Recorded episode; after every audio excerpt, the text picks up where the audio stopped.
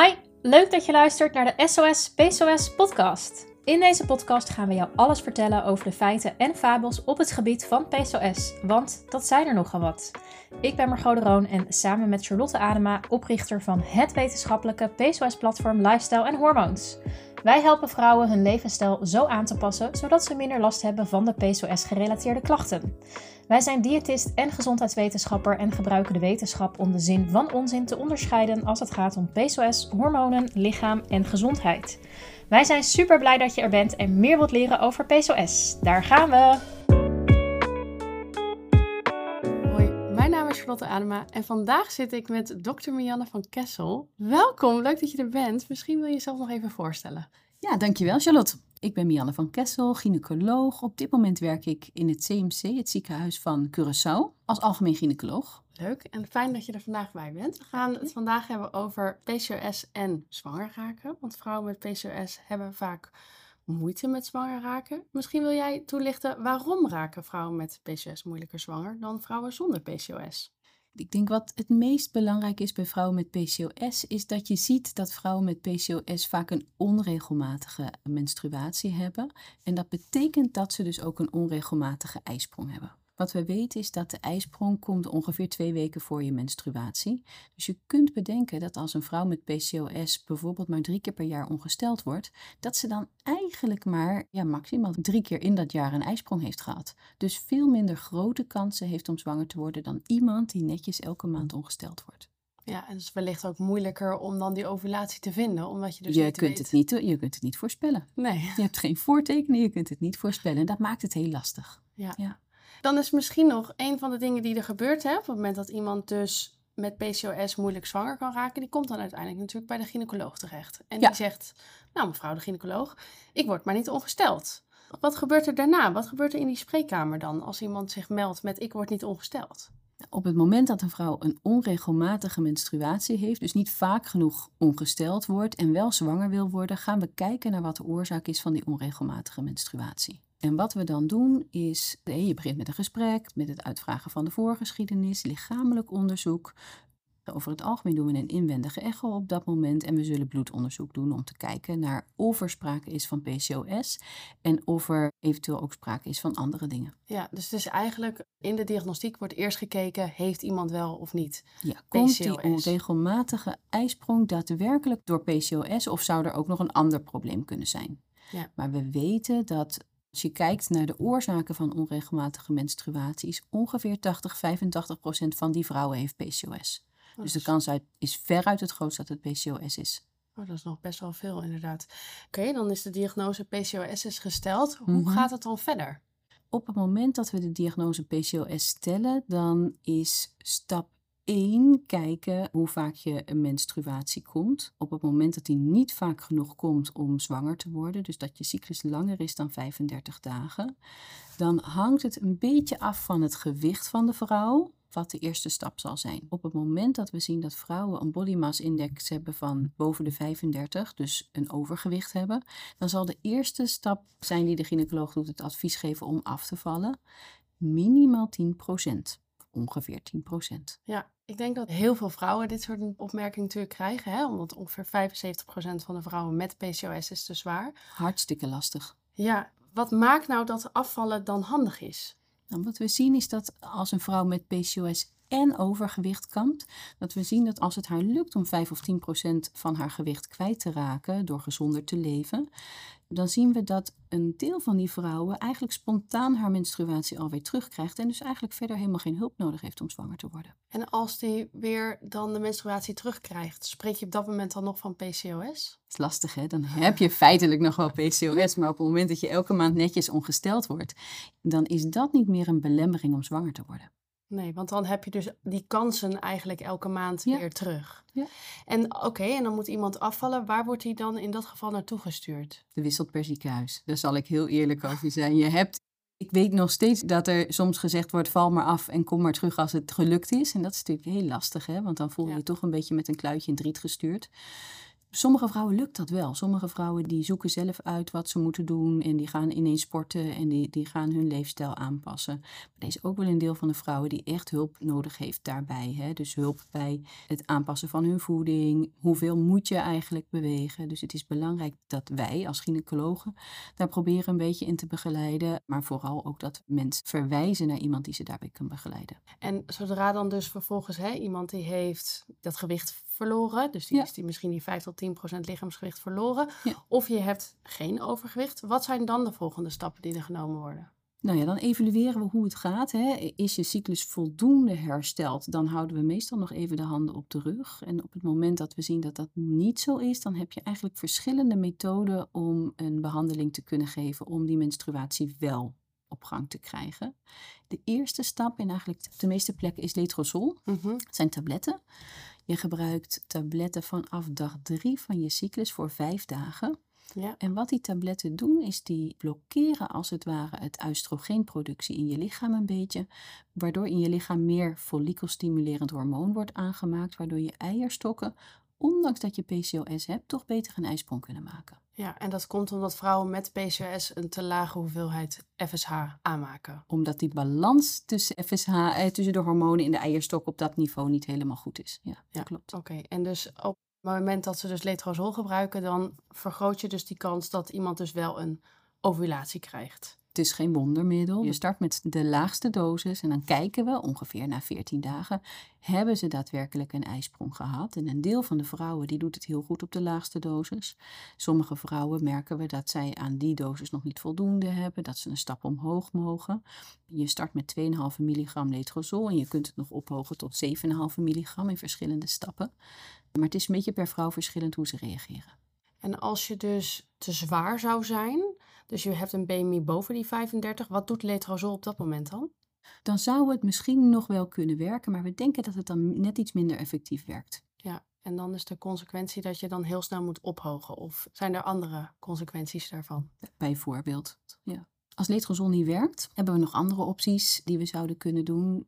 Naast letrozol wordt nog een andere soort tablet gegeven, clomifeencitraat, ook wel clomiet. Die geven we tegenwoordig minder vaak, omdat we weten dat het relatief meer bijwerkingen heeft en net iets minder effectief werkt dan letrozol. Maar dat is nog wel medicijn wat vrouwen nog kunnen krijgen.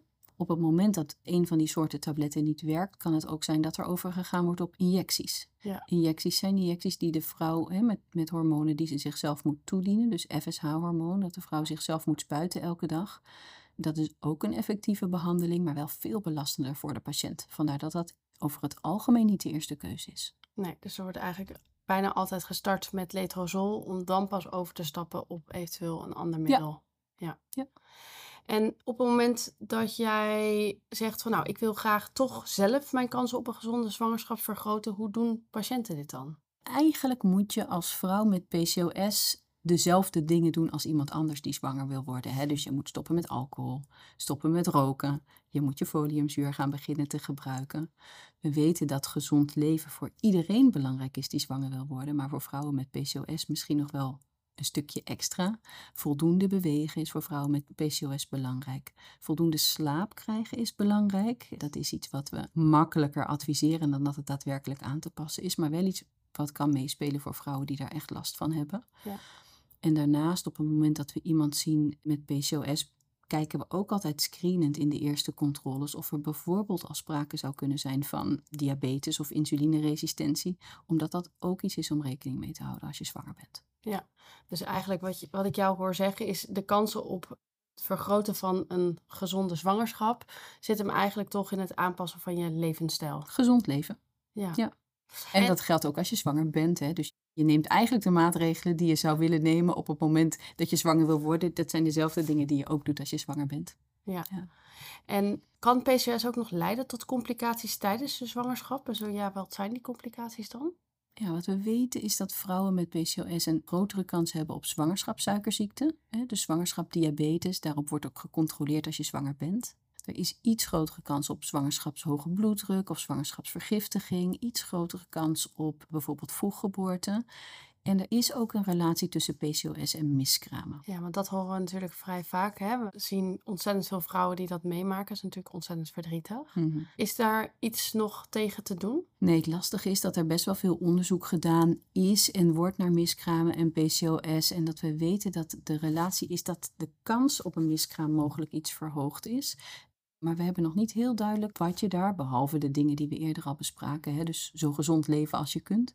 Heel veel meer extra vinden we tot nu toe niet dat er aan gedaan kan worden.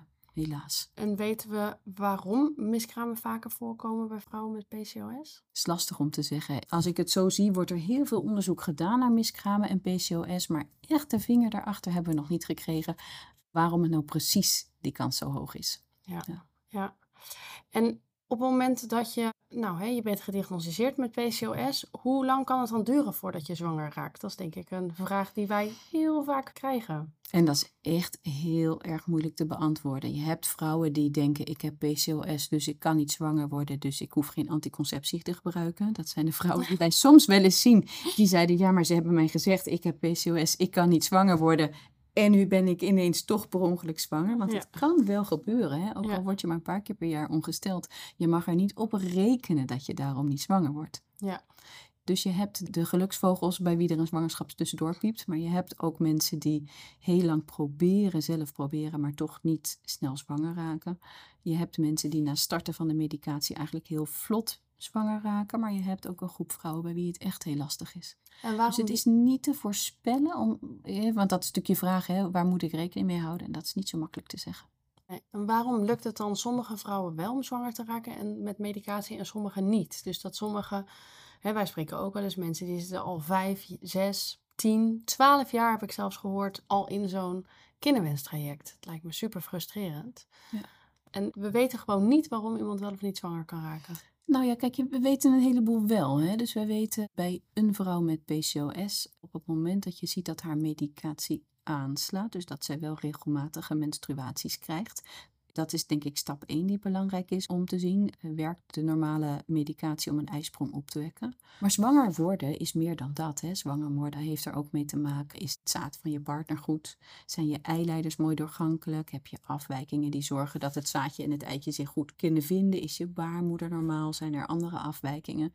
Dus er zijn een heleboel dingen die kunnen meespelen, veel meer dan alleen maar PCOS. Ja, dus dat, dat is natuurlijk ook lastig van de aandoening. En zijn er ook risico's van zwanger worden na een bepaalde leeftijd? Dus is het slim om voor vo- sommige vrouwen met PCOS om dan maar liever vroeger te beginnen? Ook dat is lastig om te zeggen. Hè. Wat je weet is dat. Ik denk dat een vrouw die weet dat ze PCOS heeft, vooral moet beseffen: het kan bij mij wel eens moeilijker gaan, maar kan ook geluk hebben. Dus op het moment dat jij bijvoorbeeld stopt met je anticonceptie, dan kan het best zijn dat jij een van die vrouwen bent met heel veel geluk die toch binnen een paar maanden zwanger is, ondanks dat ze PCOS heeft. Maar het kan ook zijn dat het veel langer duurt. En moet je het dan uitstellen totdat je 40 bent? Nee, zou ik niet doen. Moet je direct op je twintigste al beginnen terwijl je er eigenlijk nog niet aan toe bent? Ook niet. Dus de waarheid ligt ook daar een beetje in het midden. Ja, nou ja, we horen het natuurlijk wel eens van patiënten terug die zeggen van ja, ik heb PCOS, dus ik begin maar vast. Ja, nee, dus dat is een lastige balans. Je moet er klaar voor zijn. Je relatie moet er klaar voor zijn.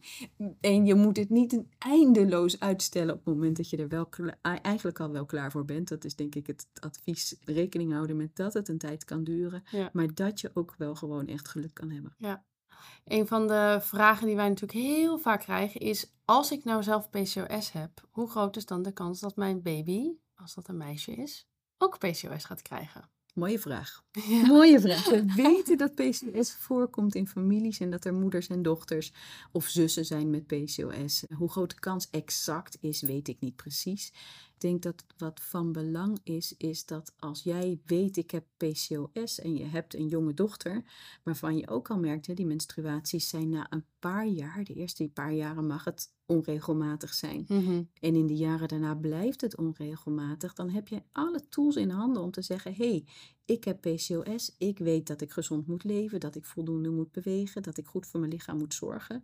Ja. Dat is natuurlijk bij uitstek iets wat je je kinderen moet meegeven als je weet dat jij zoiets bij je draagt waardoor het lastig is. ja, Dus ik, ik- ja, je kunt het doorgeven en ik denk je kunt trucs die je nu zelf leert ook doorgeven. ja, dus eigenlijk wat wij wel eens zeggen, levensstijl doorgeven is ook, is ook besmettelijk. Ja. Ja. En je kan daar dus best wel veel mee doen. Een van de dingen die wij ook best wel vaak horen is dat vrouwen zijn die zeggen: Ja, mijn dochter is 16 en die heeft een hele onregelmatige cyclus. Hmm. Vanaf wanneer zou je eigenlijk kunnen spreken van: Nou, dit is wel dan echt. Nu kunnen we wel echt spreken van PCOS. Want ik weet ook dat er best wel wat gynaecologen zijn die zeggen: Nou, kijk, als jij 16 bent, dan kan die nog echt heel onregelmatig zijn. Maar wanneer kun je dan wel echt spreken van: Nou, dit is toch wel. Hè, nu, nu is er wel daadwerkelijk wat aan de hand. Dus je weet dat je in de eerste jaren na het starten van de menstruatie, dus na de eerste menstruatie, mag die cyclus echt nog onregelmatig zijn bij jonge meiden. En het wordt in de jaren daarna vanzelf het patroon dat je zult gaan krijgen. Hè? Dus het wordt of regelmatiger bij iemand met een regelmatige cyclus, of het blijft onregelmatig. Ja. Wat ons op het spoor zet voor het zou wel eens PCOS kunnen zijn, zijn bijvoorbeeld jonge meiden die ook veel last hebben van overbeharing al op die Mhm. leeftijd. Problemen met hun gewicht, acne. Hè? Dus dat zet ons al wel een beetje op het spoor. Een moeder met PCOS zal misschien ook wel vaker aan de bel trekken voor haar dochter dan een moeder die er helemaal geen last van heeft. Als je kijkt met de echo, dan zie je PCOS-kenmerken in de eierstokken bij veel jonge vrouwen. Dus de echo Mhm. alleen, hè, dat wordt natuurlijk ook wel eens gedaan, maar op Ja. de echo zeggen ze dat ik PCOS heb, maar ik heb eigenlijk verder helemaal geen last. Ja. Ja, dat telt voor jonge meiden minder zwaar mee, omdat we weten dat kan de eerste jaren na de, de menstruatie er zo uitzien. Ja. Vandaar dat het advies is om de eerste, nou ja, de richtlijnen zeggen na acht jaar pas, acht jaar na het starten van de menstruatie, die diagnose te stellen. Ja. En nog heel even iets terughoudender te zijn bij echt jonge meiden om, om te zien hoe het zich ontwikkelt. Ja, dus eigenlijk als jij zeg maar een jaar of twaalf bent, je bent voor het eerst gaan menstrueren, dan zou je eigenlijk vanaf je 19e à 20ste pas kunnen zeggen, oké, dit is wel de cyclus zoals jij hem gaat hebben, zeg En maar. natuurlijk kunnen er eerder echt aanknopingspunten zijn waarbij je denkt dat zou heel goed PCOS kunnen zijn. Maar we zijn als artsen toch wel terughoudend om het op hele jonge leeftijd al te diagnosticeren. Ja, maar dan is ook de richtlijn in dat geval, zorg dat je met je levensstijl in dat geval aan de slag gaat. En kijk, veel jonge meiden gaan op het moment dat ze lange onregelmatige menstruaties hebben, op een gegeven moment aan de pil. En dat maskeert het natuurlijk ook wel een beetje. Ja, waardoor we dat ook meestal op 16-jarige leeftijd niet zo vaak krijgen. Dus de meeste meiden gaan dan op die leeftijd al aan de pil. De pil is natuurlijk handig voor meerdere dingen. Voors en tegens heeft Ja. het. Ja. ja. Een van de dingen die we ook wel eens horen is dat vrouwen zeggen: Ja, ik ben eigenlijk zwanger geraakt en na mijn zwangerschap is die cyclus opeens weer normaal. Hoe kan dat? Hoe het kan, weet ik niet precies hormonaal. Maar ik hoor het inderdaad ook vaker. Hè, dat vrouwen met PCOS toch in die eerste periode. Als ze borstvoeding geven, kan de menstruatie echt nog een tijd heel erg onregelmatig zijn. Maar soms zie je dat het daarna weer eventjes beter wordt. Soms zie je dat ook niet. Het wisselt heel erg. Ja, een van de dingen die wij vaak zien is dat het lijkt alsof er een soort ja, reset is geweest. Hè? Die, die dat lijf heeft een huge hormoonboost gehad eigenlijk tijdens die zwangerschap.